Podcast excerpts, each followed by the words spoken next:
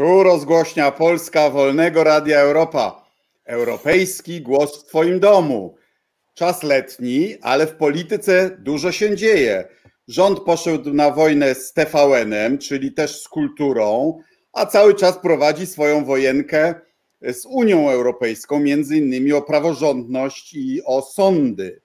Któż może być lepszym rozmówcą o tych właśnie sprawach, o kulturze i o praworządności, niż Bart czasów słusznie minionych oraz, oraz czasów współczesnych, mistrz Zbigniew Fołdys. Serdecznie witam w programie.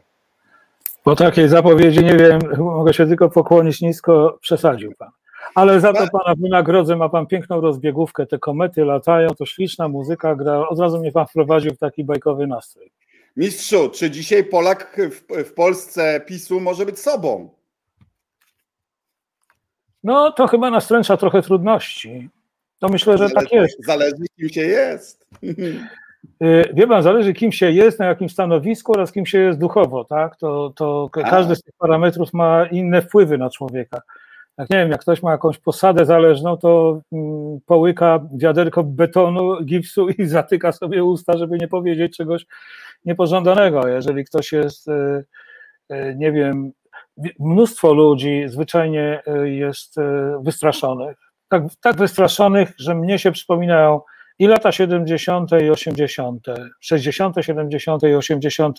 ubiegłego stulecia. Jeszcze do tego wrócimy, ale no. prowadzi pan Tour de Konstytucja, który, jak rozumiem, zbiera też e, poprzez upominki fundusze na inicjatywy obywatelskie, więc ja chciałbym zadeklarować mój ostatni, o, ostatnią pamiątkę z MSZ-u, to jest kubek oficjalny ministra spraw zagranicznych, dostali kiedyś wszyscy pracownicy, na którym e, wydrukowaliśmy misję MSZ-u. E, przypomnę ją, bo ona się teraz wydaje bardzo, bardzo nie na czasie niestety. Mianowicie misją Ministerstwa Spraw Zagranicznych jest realizowanie interesów Rzeczpospolitej Polskiej poprzez współpracę Europie i świecie na rzecz bezpieczeństwa, demokracji i rozwoju.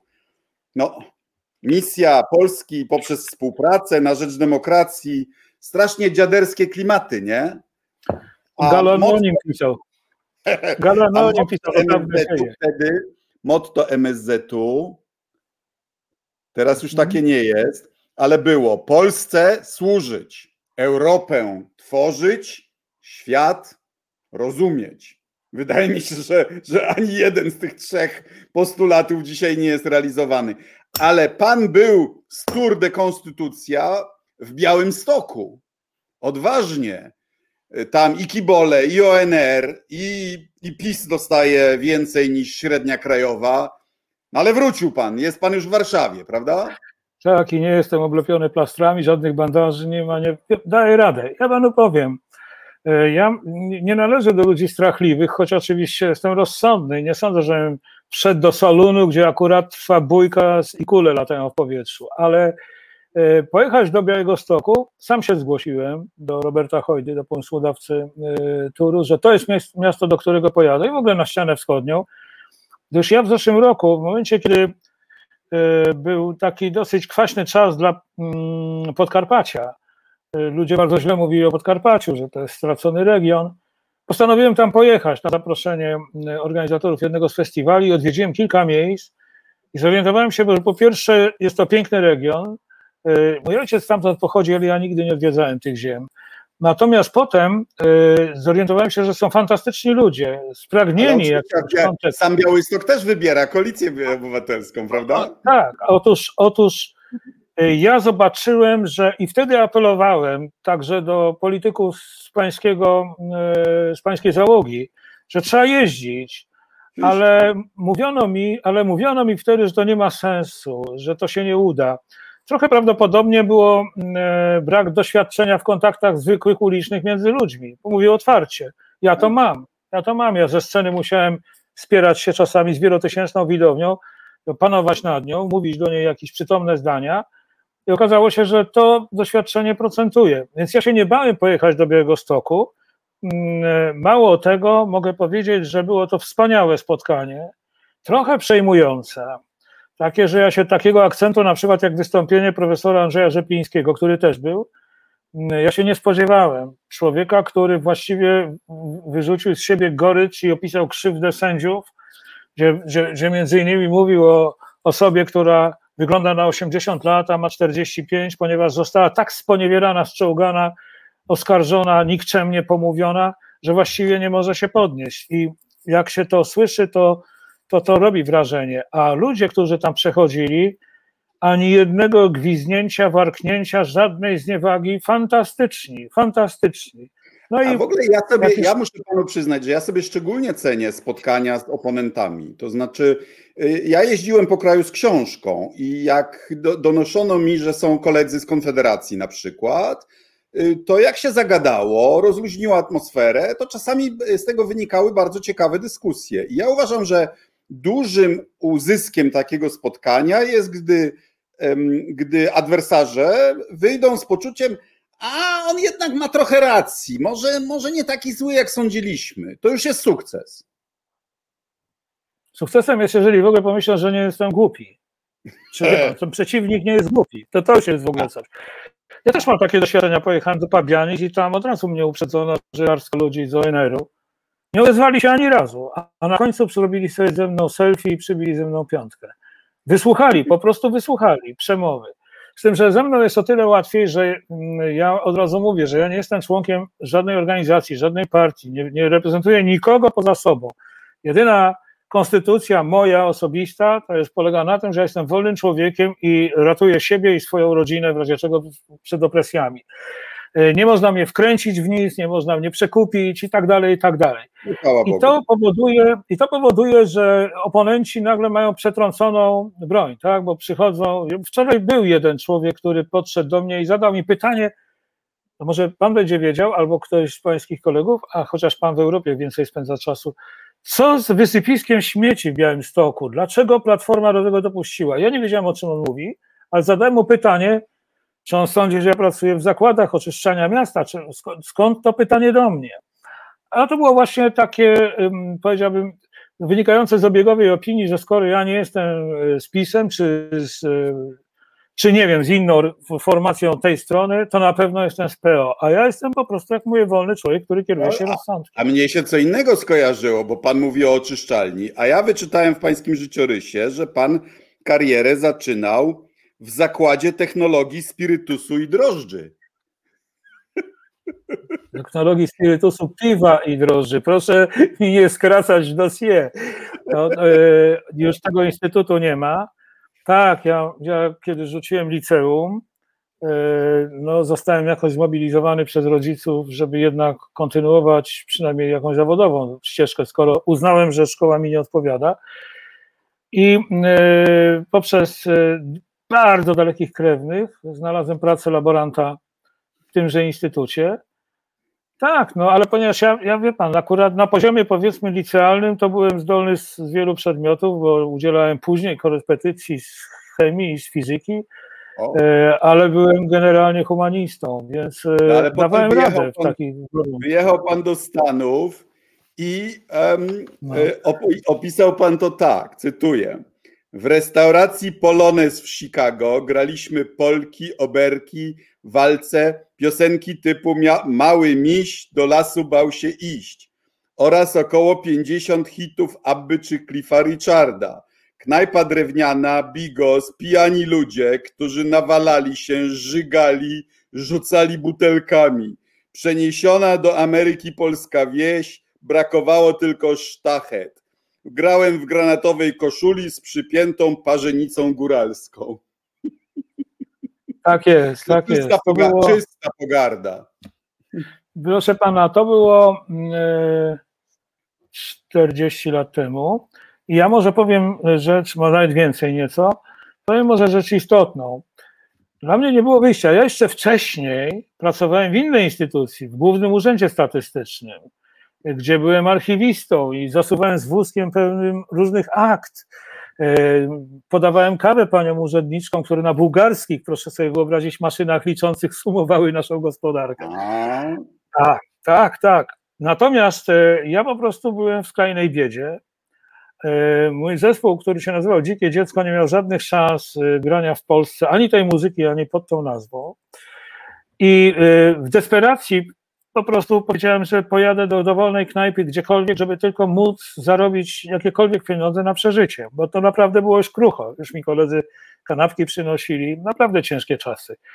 I trafił się rzeczywiście wyjazd do Stanów Zjednoczonych, do polonijnej knajpy. Ja w ogóle nie dyskutowałem. Mając swoją ambicję artystyczną, swoją wizję artystyczną, wiedziałem, że ją odkładam na bok, że to jest trochę tak, jakbym był piłkarzem, ale zatrudniłem się do koszenia trawników na stadionie.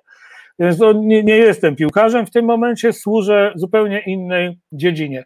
I powiem panu rzecz taką. Połowa mojego sukcesu późniejszego wyszła z doświadczeń z tej restauracji. Ja tam nauczyłem się reagować na zachowania ludzi, co się dzieje, kiedy nie chcą tańczyć, co się dzieje, kiedy jest gwar, co się dzieje, kiedy dostają temperamentu, szaleją na parkiecie, to ja wtedy wiem, że nie mogę przestać grać, tylko muszę następny utwór natychmiast zagrać jeszcze ostrzejszy, żeby ich zziajać, no bo wie pan, w knajpie to jest trochę tak, że jak ja gram, to knajpa nie zarabia.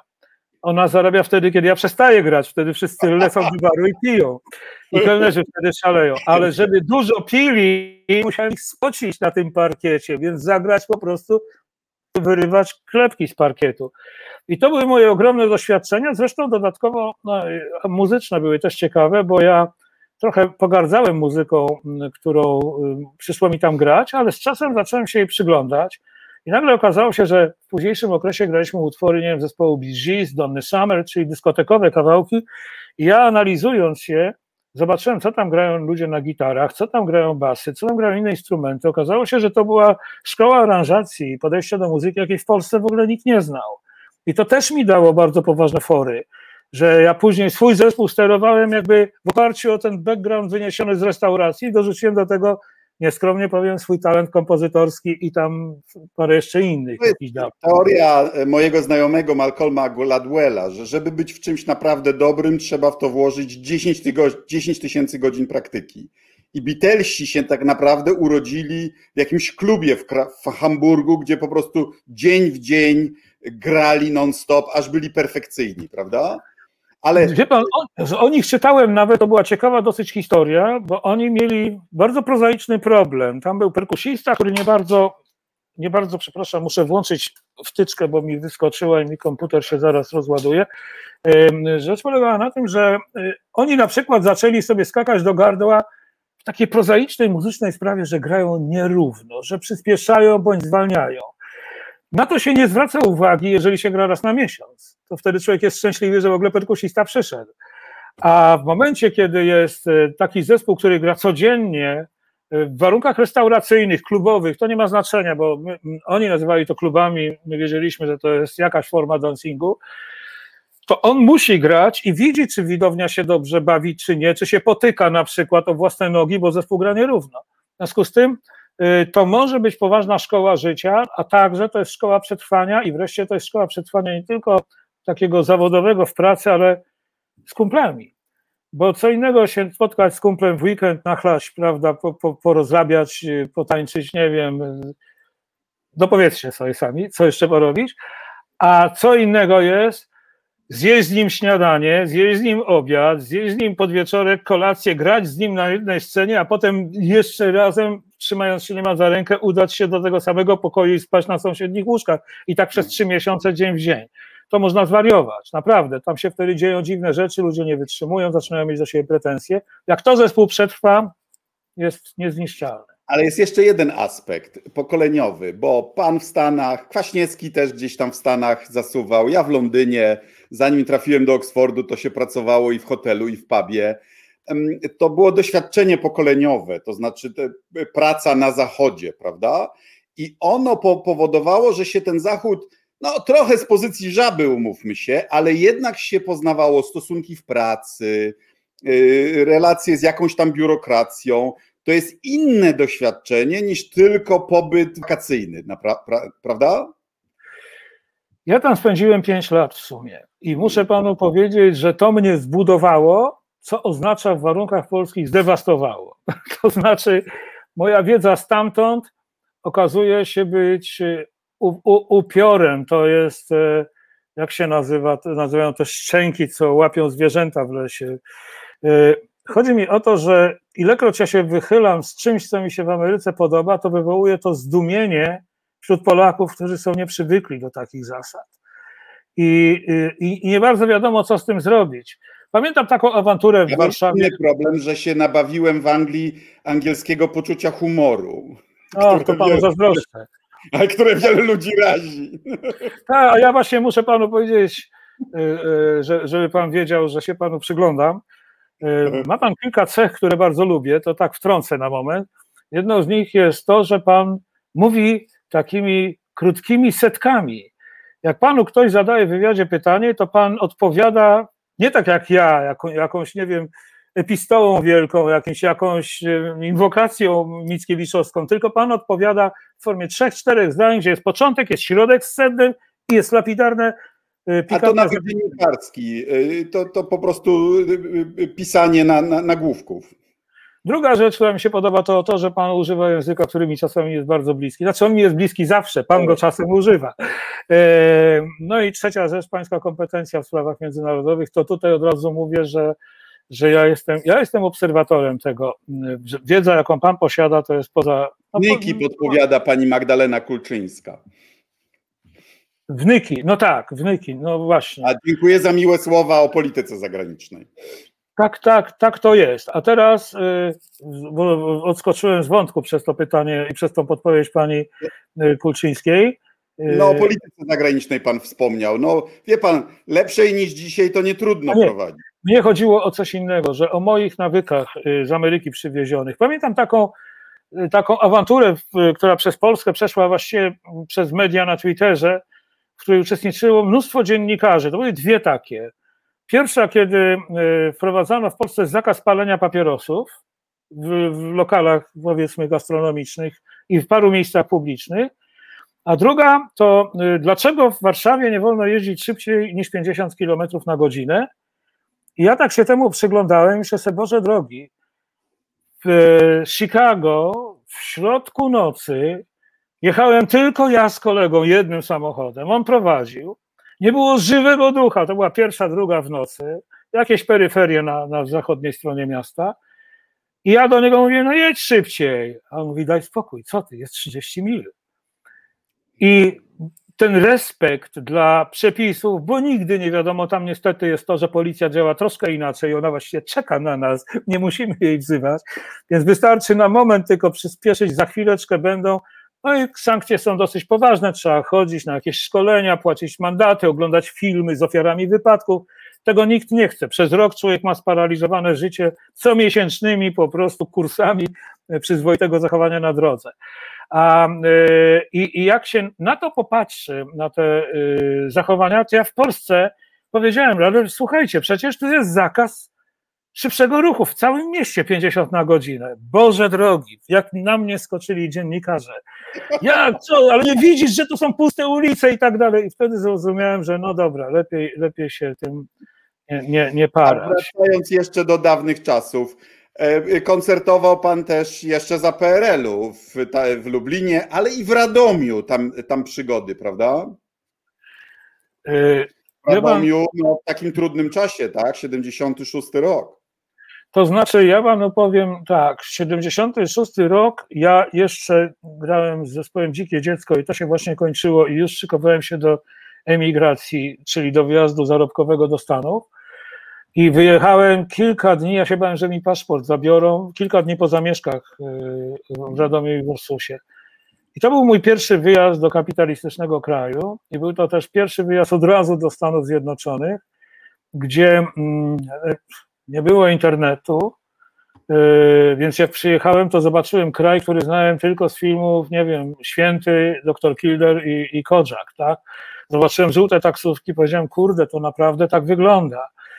I yy, następna rzecz to w Chicago dostałem gazetę, która wtedy wychodziła, nazywała się Dziennik Związkowy, bardzo patriotyczna, konserwatywna gazeta. I zobaczyłem tam wiadomości, których w ogóle żadnej z nich w Polsce nigdy nie przeczytałem o motywach podwyżek cukru, o tym, ile cukru z jakiego kraju się tam gdzieś sprowadza i tak dalej, o tym, że Kosygin się topił w Morzu Czarnym, Pan wie, kto to jest Kosygin, pewnie nasi młodsi słuchacze mogą nie wiedzieć. Premier tak Związku Radzieckiego. Tak jest. I tak się przyglądałem temu wszystkiemu i zobaczyłem, że to jest zupełnie inny kraj. Potem wróciłem do Polski nafaszerowany całą emocją amerykańską, czyli po pierwsze wolnością. Nie mówiłem ściszonym głosem, już więcej, nic, po prostu. Nie było konfidencji żadnej. E, publicznie żartowałem z różnych rzeczy, co mogło mi napytać trochę kłopotów. I e, dostałem propozycję, żeby grać z zespołem 2 plus 1, potem za nią Jantar skorzystałem z tych e, propozycji. Wtedy się dowiedziałem o rzeczy strasznej. I tu już zaczyna się rozmowa o mojej delikatnej strunie wrażliwości, empatii. Mianowicie dopiero wtedy okazało się, że mieliśmy jechać na koncert do Radomia i że on się nie może odbyć. Dlatego, że premier Jaroszewicz, komunistyczny premier, po zamieszkach, jak on to nazwał, czyli po ataku Warchołów, jak dokładnie to nazwano w 1976 roku, co ludzie nie chcą pamiętać, że 100 tysięcy warszawiaków było na stadionie dziesięciolecia i skandowało warchoły, warchoły przeciwko tym strajkującym biednym ludziom, których przepuszczono wtedy po raz pierwszy widowiskowo przez ścieżki zdrowia, katowano, a potem sadzano do więzień. No, skutek pozytywny, jedyny, że powstał Komitet Obrony Robotników, to, z którego wyrosło wszystko, co później. Ale on wydał zakaz do Radomia wpuszczania czegokolwiek, co mogło mieć pozytywne znaczenie, na przykład lodówek, pralek, telewizorów, których wtedy po prostu nie było i dodatkowo żadnych nowych książek, żadnych filmów do kin. Miasto zostało skazane na banicję taką wewnętrzną, czyli nagle zamarło, nic do niego nie docierało ze świata, żadna, żaden dobry produkt dowolnej dziedziny. I ja później z zespołem Perfect w 1982 roku przyjechałem na pierwszy koncert w Wolnym Radomiu, w 81. I ludzie dostali szału, radości, że wreszcie przyjechał do nich jakiś wykonawca. No ale wtedy za robotę się wzięło ówczesne ZOMO i do nas do garderoby wpadł skatowany do krwi chłopak, wołając Zbyszek ratu i, i, i rozpoczęła się zupełnie inna faza koncertu, czyli no, czyli powiedzieliśmy, że jeżeli się ZOMO nie uspokoi, to, to odwołamy koncert i wtedy dojdzie do poważniejszych zamieszek. Także to, to już były takie szarpaniny z komunistami na całe. To było te 16, 16 miesięcy wolności, które dały nam między innymi film Miś, tak? Co, tak, co pan tak. jeszcze wtedy robił? No i człowieka y, z marmuru, o ile pamiętam, chyba. Tam żelaza. Nie, pierwszy był człowiek z marmuru. Ale to Pierwszy... był chyba wcześniej, nie? Nie, on w 70 latach powstał i. i, no i A z żelaza był. No. no wie pan, to już wtedy następuje takie roz, rozdwojenie, rozstrojenie, roztworzenie jaźni.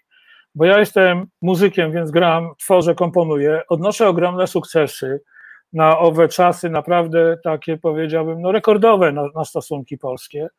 A z drugiej strony moja, moje poczucie wolności pcha mnie w objęcia różnego rodzaju wydarzeń, które ściągają kłopoty, tak? Czyli na przykład przesłuchania gdzieś tam po koncertach w służbie bezpieczeństwa, pogróżki bardzo nieprzyjemne, takie naprawdę nieprzyjemne, o nich nie, nie, nie lubię mówić, bo dotyczyły też, że krzywda się stanie moim bliskim.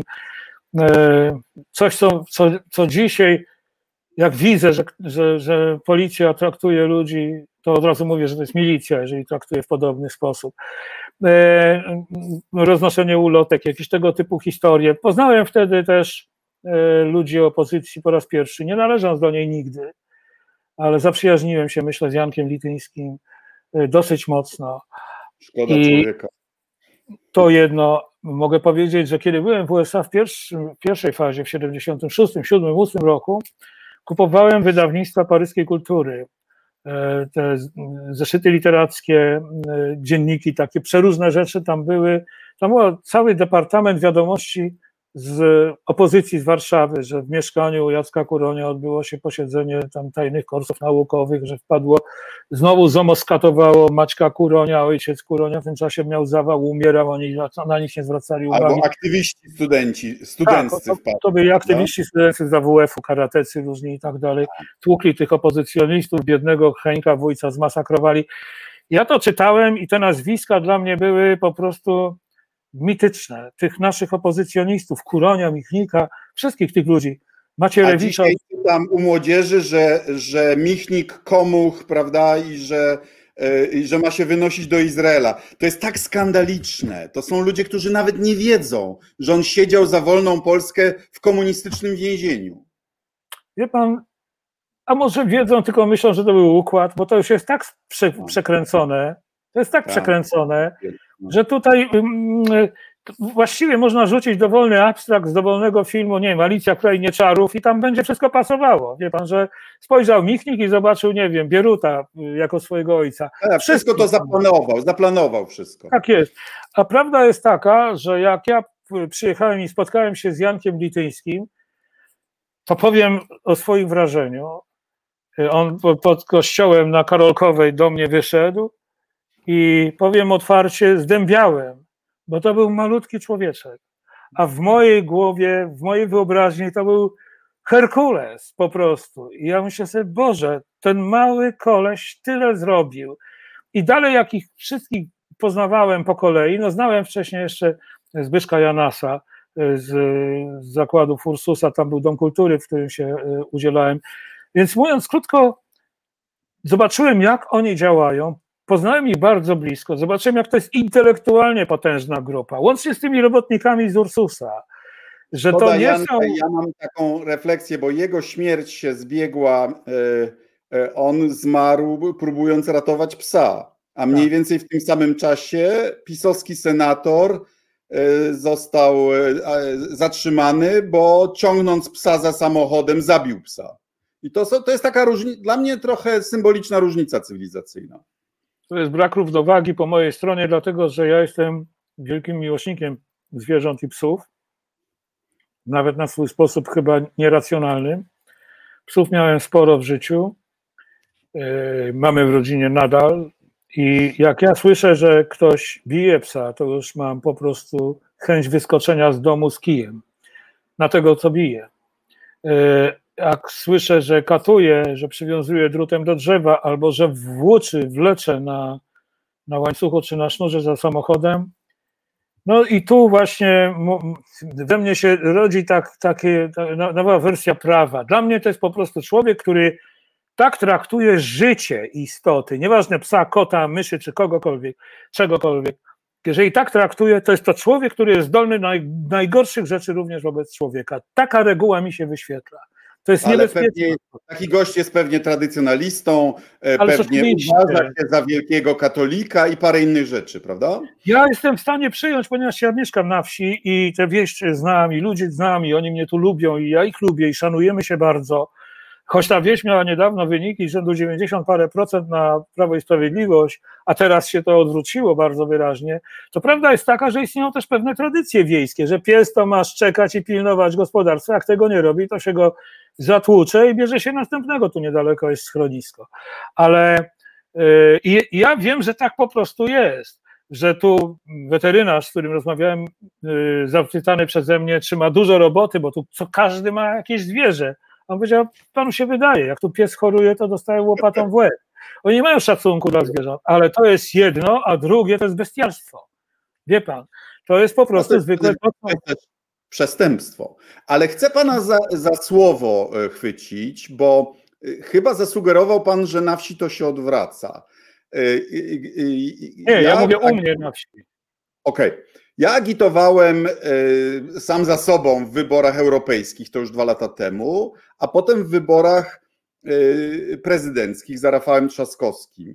I wtedy miałem wrażenie, że się pogorszyło. To znaczy, że jest więcej bardziej agresywnych ludzi na ulicach, mówiących paskami z TVP Info. Y, cytując Żydy, pedały y, y, i złodzieje. Czy pan sądzi, że to się, to się zmienia? Nie wiem. Za mało się poruszam poza obrębem, w którym mieszkam. Ja opiekuję się teściową i mamą i właściwie spędzam większość czasu w domu. Ale jak wychodzę, nie spotyka mnie. Ja może powiem taką rzecz. Nigdy mnie nie spotkał żaden akt agresji ze strony przechodnia kogokolwiek na mieście. Żyję już prawie 70 lat. Nigdy mnie to nie spotkało. Może miałem szczęście. Natomiast spotkało mnie wielokrotnie słowa otuchy, przybicie piątki, podziękowań za coś. wczoraj w Białymstoku naprawdę byłem tym speszony. Okazuje się, że jakieś takie czynności, które dla mnie są rutyną, pisanie felietonów do Newsweeka, czy zabawy na Facebooku, czy Twitterze, co obaj uprawiamy, nagle się okazuje, że to dla wielu ludzi ma ogromne znaczenie, że to im dodaje otuchy, że to są dla nich jakieś takie poręcze, których się trzymają, że to jeszcze nie wszystko skończone, bo jest paru ludzi, którzy, którzy coś porządnego robią. Ale co no, się dzieje... Chciałbym pogadać, bo bo, no bo pan nie był symetrystą, pan i yy, ja też ostrzegaliśmy, jak będzie, jak będzie wyglądały kolejny rząd PiSu. Niestety wyszło na nasze, prawda? Jak pan sądzi, zdąży Kaczyński zlikwidować TVN, przejąć TVN i stworzyć system, w którym rząd już nie może przegrać, czy nie zdąży? Pozwoli pan, że powiem najpierw parę słów wstępu.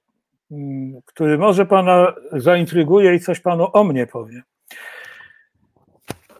Y, świat jest bardzo ciekawy, kiedy spotykają się ludzie z różnych światów nieagresywni, tak? Czyli nie wiem, jak matematyk się spotka z malarzem na przykład. Ten ma ciągi liczb, zakrzywianie płaszczyzn i tak dalej, a drugi bierze pędzel i szuka bunkitu. I jeżeli rozmawiają z szacunkiem, to się dowiedzą ciekawych rzeczy jeden od drugiego. Ja bardzo lubię, jak powiedziałem, Pana komentarze, naprawdę, yy, zwłaszcza te analityczne dotyczące sytuacji strategicznych, nie wiem, międzynarodowych, różnych yy, skutków po, poszczególnych decyzji, dlatego że Pan objaśnia mi świat, którego ja nie znam. I ja się wtedy przyglądam temu i tak sobie myślałem ostatnio, ten Sikorski to właściwie mówi o tym, jakby mówił o ruchach na szachownicy, że jak ten się ruszy tu, to tamten musi zareagować, zrobi to, więc ten mu na przykład nie udzieli kredytu, tamten mu zamknie transport, coś, że to jest gra, jedna wielka gra na planszy szachowej. I to jest coś, czego ja nie znam. Natomiast i uczę się od pana. Oglądając i zawsze, nie wiem, czy pan zauważył, że po takich wywiadach piszę do pana dobre słowo na Twitterze, że lubię po prostu, jak pan to mówi, bo to mnie zyskuję informacje, inny pogląd, ale ja sam nie przyglądam się figurkom szachowym i co one robią, bo ja tego mechanizmu nie znam i nie rozumiem. Natomiast przyglądam się graczom. Jaką on ma intencję? Dla mnie nie jest ważne, czy on wygra, czy on przegra. Dlaczego on tak się zachowuje? I to nie jest intencja taktyczna. To, co powiem panu, to będzie moja recenzja, którą zamieściłem w ostatnim Newsweeku. Ja myślę o wiele surowiej o tym, co się w Polsce dzieje, niż panowie politycy. Mam naprawdę o wiele gorszy obraz tego wszystkiego. To nie jest dla mnie wojna o TVN. To w ogóle nie jest, to, to jest pikuś. Moim zdaniem wszystko się zaczęło prawdopodobnie na dobre w chwili po Smoleńsku, kiedy padła propozycja, aby Lecha Kaczyńskiego pochować na Wawelu. Nikt normalny przepraszam, że użyję takiego określenia, ale nikt zwykły, normalny nie zgodziłby się na to, żeby ktoś z jego rodziny wylądował tam, gdzie leży Jagiełło, Królowa Jadwiga, Mickiewicz, e, Słowacki, Piłsudski. To jest święte miejsce historii polskiej. Tam nie ma po prostu, nikt współczesny tam nie pasuje. I nagle ktoś wpada na ten szatański pomysł, to znaczy, ale akurat był... znam nazwiska ludzi, ja, którzy... Ja też znam nazwisko, ja mu od, już odpuszczam, bo on już był przeze mnie zagoniony parę razy do, do konta. Yy, niech sobie żyje. Choć powinien powiedzieć, że przepraszam, że wykonałem ten błąd. Powinien to powiedzieć, takie jest moje zdanie. Ale dobra, odpuśćmy go. Yy, otóż ten człowiek rzucił tę propozycję, to znaczy, że tam był grunt dla takiej propozycji. O, mnie by żona nie powiedziała czegoś takiego. Myślę, że pani Anna również i panu by nie powiedziała, ty, a może być na Wawelu. To raczej jest poza naszymi mm, wyobrażeniami. A tam nie. Tam to padło i wtedy okazała się rzecz następująca, że w ślad za tym poszły kolejne kroki i ja je wszystkie notowałem, wszystkie zapowiedzi. Przeorzymy Polskę głębokim pługiem, będzie wrzask, zmienimy wszystkie sądy do spodu, zmienimy edukację, koniec. Wymienimy elity. Wymienimy elity. Pierwsza rzecz, elity, mam winowajcę, to był Bronisław Wilstein, który na pytanie yy, czyjeś, że no jednak yy, Władysław Bartoszewski to ważna postać, a on na to odpowiedział w studio telewizyjnym rzeczonej TVN24, no kto powiedział, że to jest autorytet? My mamy własne autorytety. I wtedy tak, tak. zacząłem ja. Ja wtedy zauważyłem, że tam jest pewien ciąg logiczny, do którego pasują wszystkie następne kroki, mianowicie zrównać z ziemią wszystko, co było przed Kaczyńskimi, unieważnić to. Ta Polska była zła, grzeszna, lewacka, komunistyczna, złodziejska. Jej nie będzie. Zbudujemy nową od podstaw. Zbudujemy nowe instytucje, nowe sądy, nową edukację, nowego człowieka wyprodukujemy, jak to robili w, w Tiranie, Radio Tirana, nowy socjalistyczny człowiek. Tak, pamiętam, jak zapowiadali pieśniarkę E, z Albanii, e, mówiąc śpiewająca robotnica, nowy socjalistyczny artysta. Tak zapowiadali. Teraz uważam, że to, co się dzieje, to jest początek, no początkiem był Polska Press, wybijania mediów do cna wszystkich, wyborczej wszystkich innych stacji radiowych, dopóki się nie stworzy własnych, a do tego są czynione metodyczne podwaliny, czyli zlecanie na przykład reklam ze spółek Skarbu Państwa, gdzie niszowe, dziadowskie, niekompetentne wydawnictwo dostaje dziesiątki milionów złotych w ramach reklam, a potężne, wpływowe media nie dostają ani grosza z tych reklam. Tak się buduje własną oligarchię. I dziś nie ma zmiłuj. Moje zdanie jest takie. Tu nie będzie litości, żeby pan nie wiem, jak był dobrym człowiekiem. Pan jest z tego zeszłego świata. Pana nie ma. Na pana miejsce przyjdzie kantak. Rozumie pan? A że on się nie zna, a co to pana obchodzi? To już nie jest pańska Polska. Także dla mnie. Tylko, tylko jak... ja o co innego pytałem, bo ja się zgadzam co do intencji. Pan pytał o TVN, ja odpowiadam, że TVN po prostu jest pypciem, jest grą pchełki. To jest bez znaczenia. Pójdą na ja całość. Zgadzam co do intencji, co do tego rewolucyjnego e, instynktu klasycznego, ale ja pytałem o skutki. To znaczy, czy nie sądzi pan, że w Polsce jak zwykle z tego się zrobi karykatura? Bo w Polsce się nie daje niczego y, y, przeprowadzić konsekwentnie. I ona się już sypie. Pytanie, czy Kaczyński zdąży? Przekupi ludzi. Myślę, ja jestem zły i moja kryształowa kula jest zmącona, powiedziałem. Hmm. Wie pan, nie, zamglona. No, tam, I to dużo szaro-czarnych paprochów fruwa. Mówiłem sześć lat temu, że Kukiz to jest członek PiSu yy, niejawny. Mówiłem o tym, że to jest ten sam kaliber ludzi. Ja to. On ma zadrę osobistą w stosunku do Donalda Tuska i do Grzegorza Schetyny, dobijał się do nich, nie wyszło mu. Prawdopodobnie w tym jest też trochę jego, mm, no właśnie jakiejś zadry takiej ambicjonalnej, ale nie w tym rzecz. Tyle lat się pultał, aż w końcu ujawnił swoje karty i poprze teraz ten sprzedaż tego TVN-u. Im potrzeba głosu. No się, to, co on zaproponował, żeby nie mogły kupować TVN-u spółki Skarbu Państwa, to jest kompletna fikcja, bo przecież nie tak się dożyna media. Zrobią to tak jak Putin, Orban i Erdogan, to znaczy mają to wykupić zaprzyjaźnieni oligarchowie. Czyli jak on mówi, że on jakieś poprawki zgłasza, to jest kompletny pic. I PiS, ale to jest przede wszystkim jego głupota. No, to, to, ale ona niestety nas kosztować może wolność na długie lata. Bo e, wie pan, no, oligarchę stworzyć jest bardzo łatwo. Widać to po Obajtku. Można za sekundę sprywatyzować jeden z banków poważnych i komuś go przekazać w zarząd. No, był stworzyć... taki plan. Przecież, przecież rozmawiając z Czarneckim, już wtedy mówiono o TVN-ie, tak. bo już wtedy by im pasowało przejąć tak. prywatny bank, a potem powiedzieć prywatny biznes. O co chodzi? No więc właśnie, więc to jest moim zdaniem ta technika, ale w każdym razie wszystkie drogi będą prowadziły do, do tego celu, żeby unicestwić każdą przedszkolankę, która była przedszkolanką przed przybyciem Kaczyńskich na świat polityczny. E, chyba, że... Ale pytanie, czy dadzą radę, bo jednak Polska nie jest wyspą. Jednak jest w Unii Europejskiej, jest w Sojuszu Północnoatlantyckim. Oni w tej chwili, tak jak za pierwszych rządów PiSu, prowadzą już wojnę z dużą częścią własnego społeczeństwa i, i z ważny, najważniejszymi sojusznikami, jakby nie było. No Stany Zjednoczone, Niemcy, Unia Europejska. Ja, ja bym obstawiał, że Stany Zjednoczone i Unia znajdą sposoby, żeby, żeby e, wyegzekwować cenę za naruszanie obowiązujących zasad. Kiedyś jeden z prawników amerykańskich w rozmowie ze mną, ona dotyczyła e, czegoś, co potem nazwano y, powiedzmy ruchem Me Too czy podobnym. Mówimy o mobbingu, o molestowaniu, y, o zaczepianiu erotycznym kobiet w miejscu pracy i tak dalej. I na pytanie, jak karać takich ludzi, którzy przekraczają granice, on odpowiedział: Nie ma żadnej innej kary jak finansowa. Po prostu tylko szmal. Tym się karze ludzi. Grzywny, odszkodowania gigantyczne, to oducza ludzi wszystkiego. Więc jeżeli Amerykanie to zastosują, to prawdopodobnie Polska odczuje to. Ale... Tylko Kaczyński kąt w Nowym Jorku ani w Brukseli nie ma, a mogą pieniądze odebrać Polsce.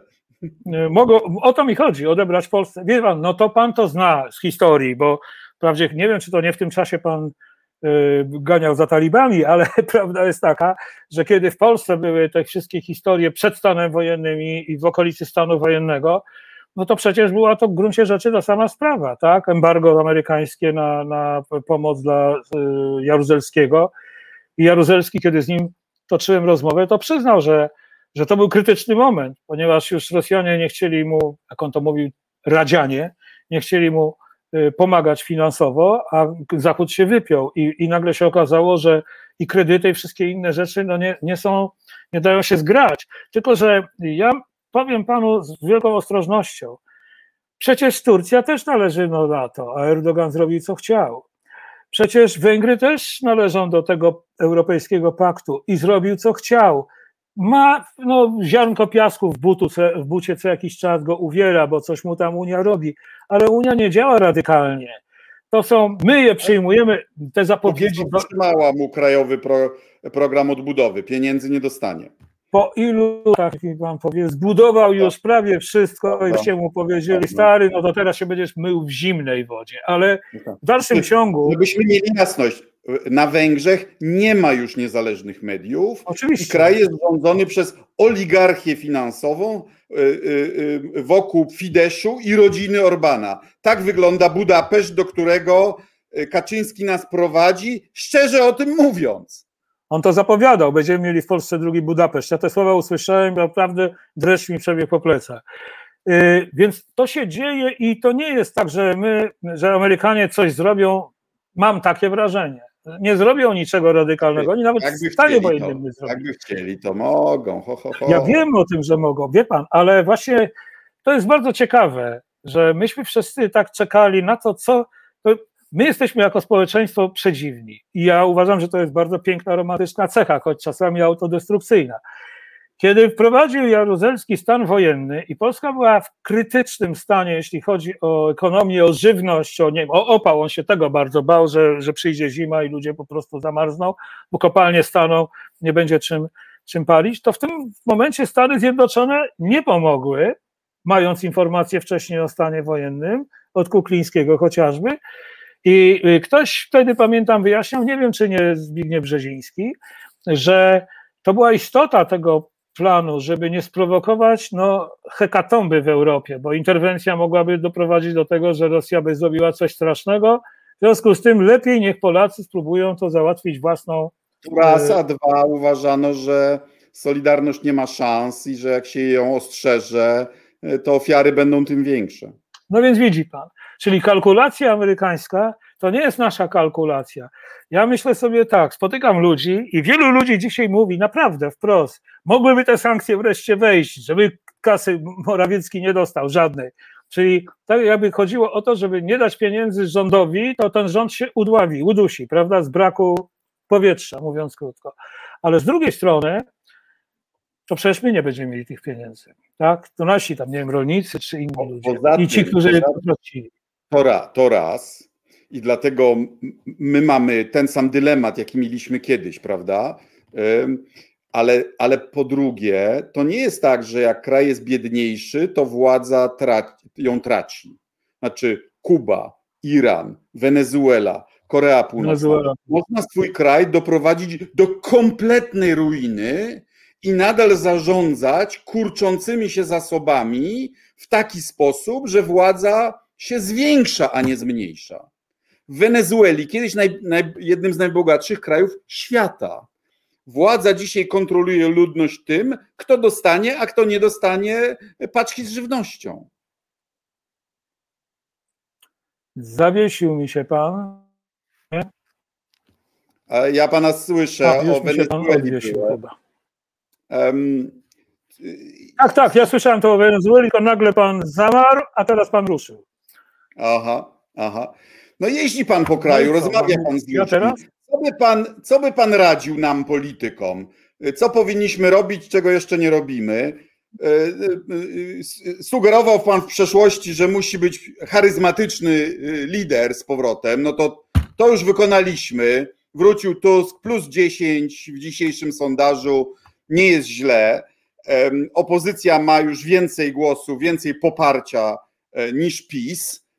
No ale to nie wystarcza moim zdaniem. Wie pan, kiedy były wybory, mm, te, które Donald Tusk wygrał, 14 lat temu już chyba, mija 14 lat, o ile, o ile mnie pamięć nie myli, w 2007 roku. No, wow. E, ja pomagałem e, troszeczkę, ja na ten temat dużo nie mówię, ale pomagałem, mówiąc parę rzeczy, które zadziałały. Nie wiem, czy panu to zdradzić, czy nie, ale. No dobra, powiem panu. Nikomu nie powiemy. Dobrze, to pytanie oceny Kaczyńskiemu zadane, kurczak, jajka, ser, to było moje. A teraz, e, a teraz tak, ale chodziło też o całą e, pewną filozofię tej kampanii, która była przez pana Nowaka przygotowywana no, w takim toku wojny trwającej wówczas między PiSem a, a Platformą, czyli PO przygotowywała wielkie billboardy z napisem pogarda, nienawiść i tak dalej. To była kontynuacja tego języka naprawdę takiego, nawet już nie zimno, ale gorąco wojennego.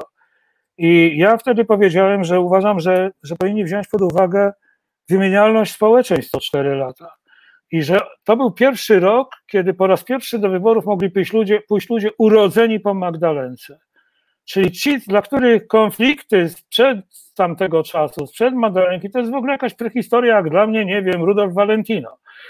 Fajna rzecz, ale, ale nie uczestniczę w niej, bo się urodziłem już po. Wie pan, ja się urodziłem po II wojnie światowej, to na mnie działa, ale mm, wszystkie awersje II wojny światowej, konflikty między oddziałami polskimi były mi nieznane. Wracam teraz do, do punktu wyjścia. Co roku w Polsce rodzi się i umiera cirka 400-500 tysięcy ludzi. Czyli między jednymi wyborami a drugimi ubywa 2 miliony ludzi i przybywa 2 miliony nowych ludzi. Po 18 latach te 2 miliony to są 2 miliony nowych wyborców. Jeżeli odchodzą, to odchodzą z reguły starsi. Mówmy o procentowym udziale. To jest trochę zimne liczenie żywych i zmarłych, ale odchodzą raczej ci najstarsi.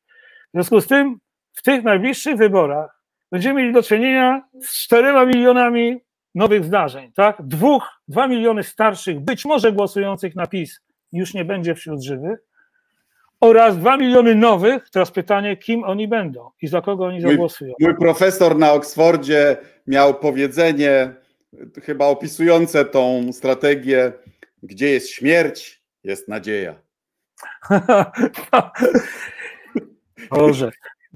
I teraz tak, ja zadaję sobie pytanie, czy nasza polityka, czyjakolwiek, toczy się wokół tych następnych czterech milionów, tych dwóch milionów, które przyjdą i następnych. Czy coś się do nich mówi? Otóż w ostatnich wyborach apelowałem, nawet już w pewnym momencie krzycząc w internecie, weźcie to, zróbcie, ale niestety mnie nikt nie posłuchał. Nie wiem dlaczego. Ja nie jestem ekonomistą, więc może były jakieś przesłanki racjonalne mm, na kontach. Ale skoro PiS rozdawał 500 tak chatko, to zadam pytanie, dlaczego nikt nie obiecał młodym ludziom e, refundowania całości lub części czesnego za, za uczelnię, przynajmniej do poziomu ukończenia licencjatu?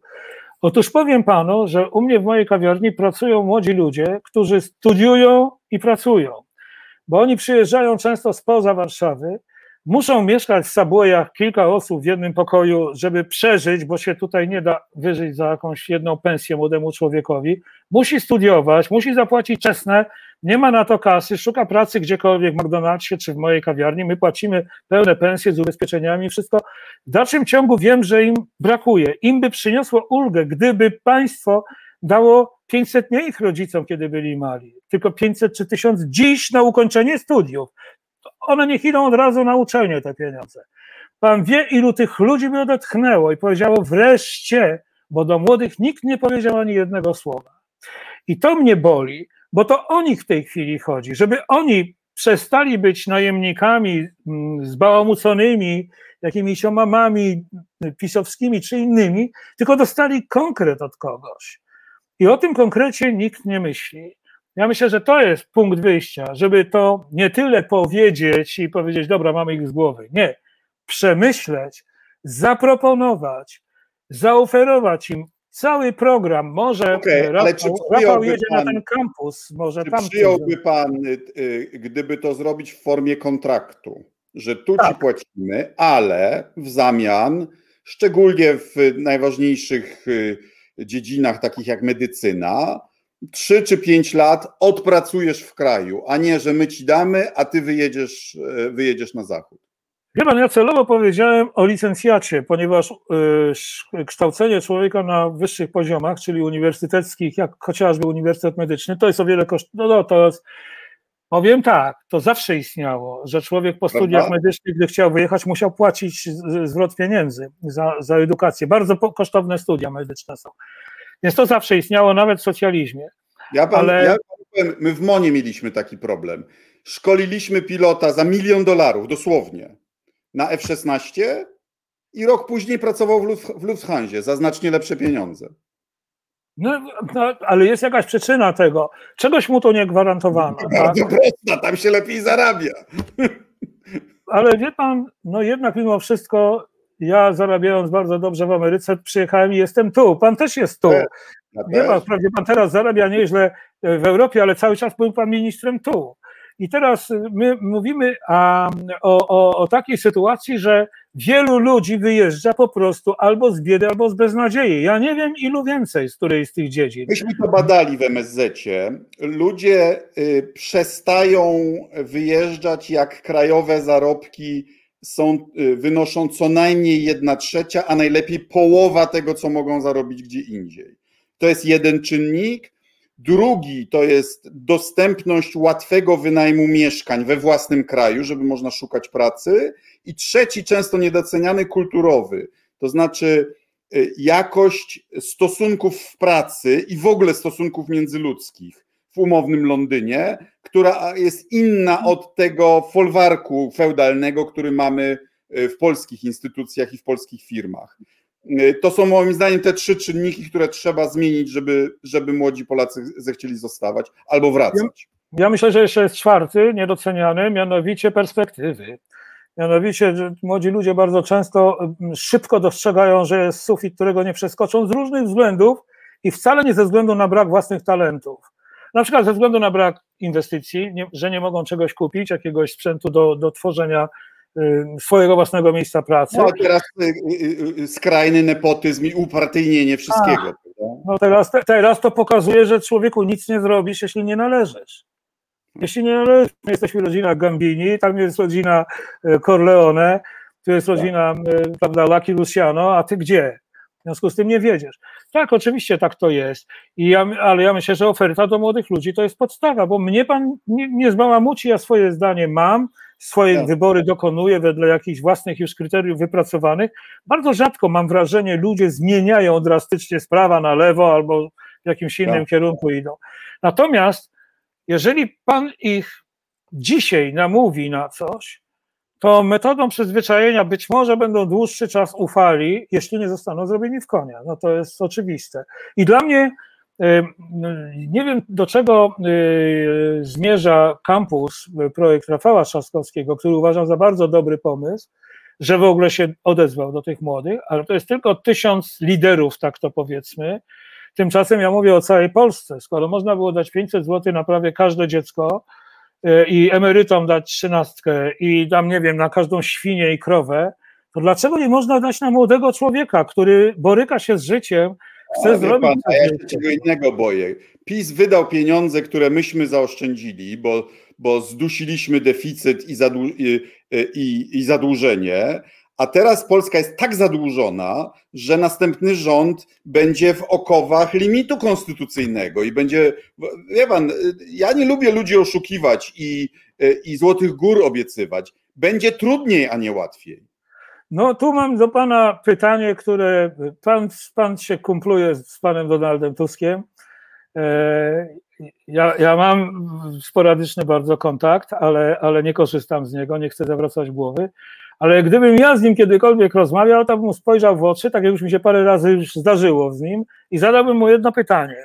No. Jak to jest, że kiedy ja z nim rozmawiałem kiedyś w jego gabinecie i y, powiedziałem, to był czas jakichś rodzących się protestów ludzi PiSów, fanatyków y, i prawicy, i nacjonalizmu, i Marszu Niepodległości, który wtedy tam spalił jakiś samochód.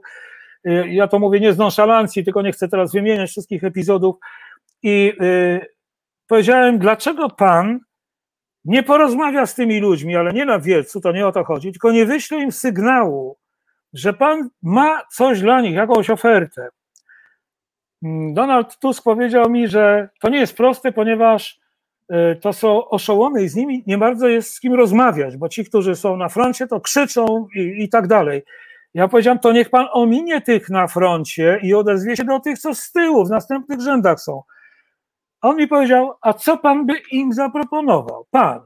Ja mu na to odpowiedziałem w cwany sposób, nie jestem premierem ani politykiem, więc nie wiem. To pan jest od wymyślania taktyk. No tak, pan jest no. tu Kazimierzem Górskim piłki nożnej. Otóż chwilę później, dwa lata czy trzy lata później, Kaczyński powiedział 500. Plus.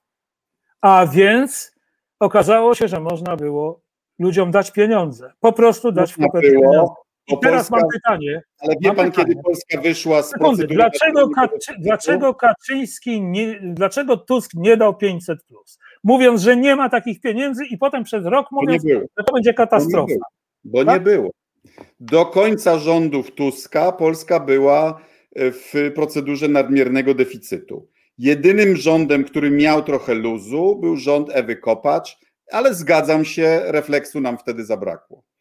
E, panie, e, e, panie Zbigniewie, proponuję zakończyć pytaniem czy refleksją smutną pani Katarzyny Muchy, która mówi: Następne wybory nie będą uczciwie, o ile w ogóle się odbędą. Więc tak, ja uważam, że oczywiście się odbędą.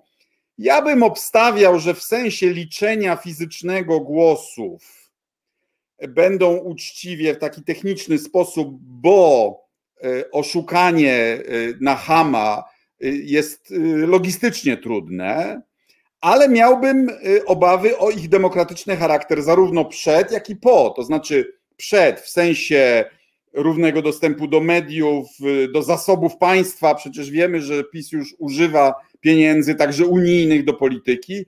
No i po, bo jak już będą mieli, już mają Trybunał Konstytucyjny, dorżną Sąd Najwyższy, no to może się okazać, że jak przegrają, to będzie trzeba powtórzyć, będzie trzeba powtórzyć, bo przegramy, prawda? Jak pan obstawia?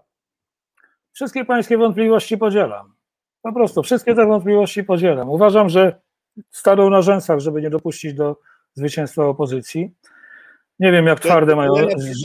nie? Jak się złamało konstytucję, nakradło, y, popełniło ileś przestępstw, to już nie ma odwrotu, prawda? Bo oni ciemność, oni się już boją o siebie, prawda? I, i ja bym obstawiał, że, że dlatego tak desperacko chcą zniszczyć TVN, bo wrócił Tusk i nagle nagle się, się boją o, o, o, o, własne poważanie, że tak powiem. Ale jednocześnie, kiedy Tusk rzucił propozycję rozmowy na ubitej ziemi, to całkiem y, wiarygodnie dla mnie Kaczyński przekazał przez czarnowłosą panią komunikat. Nie ma z kim i nie ma o czym, ponieważ decyzje o tym, co będzie dalej, zapadły, żeby Tusk nie wiem, co robił, jak się gimnastykował, my i tak zmiażdżymy wszystko, co on stworzy przy pomocy dowolnych metod. To jest moje zdanie.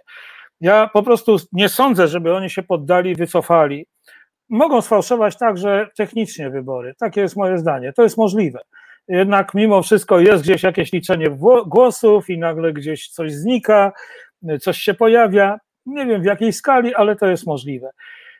Dla mnie wybory, ostatnie wybory, no właśnie nie ostatnie, tylko te poprzednie sprzed sześciu lat, one już były sfałszowane nie w sensie właśnie być może tym technicznym liczenia głosów, ale kiedy się jedzie do miasta, wie pan, Nowa Sól, które jest nowoczesne, piękne, ludzie mają mieszkania, bezdomni dostają mieszkania i nagle znajduje się jedną zrujnowaną fabrykę, która nie przetrwała czasu i mówi się, tak wygląda cała Polska, to na tym kłamstwie Polski w ruinie buduje się cały swój paradygmat wyborczy. To jest nie fair, to jest po prostu oszukiwanie ludzi. To jest moim zdaniem wada demokracji, że można kłamstw. Wie pan, jak ja skłamię w swoim zeznaniu podatkowym, grożą mi straszne kary. Człowiek, który skłamie i wyroluje cały kraj, cały naród, nic mu nie grozi. To jest dla mnie niepojęte. To jest gdzieś skucha w demokracji. A dla mnie jest niepojęte. Wie pan, jak ja się gdzieś zagalopuję o pół zdania, to słyszę o, o, tym, czy pan, to przez 10 lat o tym słyszymy. Kaczyński przegrał ileś procesów o zniesławienie, kłamał w sprawie Smoleńska, yy, yy, zniesławia ludzi i nic. I, I na jego wyznawcach nie robi to żadnego wrażenia. Tego ja nie rozumiem. On już poprzednio mówił, że wybory były sfałszowane. Już poprzednio wpadli do komisji wyborczej, nie wiem, czy pan pamięta, ludzie wydzierać papiery, liczyć coś tam i tak dalej. To się skończy czymś. Chce pan usłyszeć złą prognozę? No, niestety.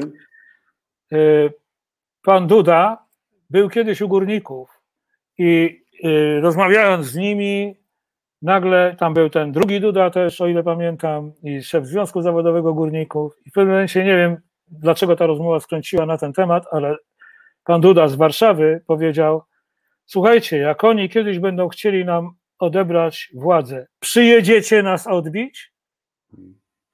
Pomożecie? OTK jest OTK, czy nie ma? To wszystko jest po prostu robione w tym kierunku. Także ja mam tu złowrogie myśli. One są złowrogie dla mnie, bo mam syna, mam wnuka i będę robił wszystko, żeby do tego Oby nie dopuścić. Się Stąd, no chyba, proszę pana, postawię panu szampana, jak się pomylę, przysięgam. E, Okej, okay, publiczne dlatego jeżdżę, dlatego jeżdżę z Tour de Konstytucja, żeby do tego nie dopuścić. Budować od podstaw choćby okruchy, zręby normalnego myślenia. Brońmy konstytucji, brońmy niezależnych mediów, brońmy niezależnych sądów, brońmy prokura uczciwych prokuratorów, brońmy dorobku Solidarności Wolnej Polski. To, to, wszy, y, y, to jest także element naszej pozycji y, międzynarodowej. Walczyliśmy, pokolenia Polaków walczyły o demokratyczną, europejską Polskę. Nie pozwólmy sobie tego odebrać przez, przez bandę frustratów. Oby tak było.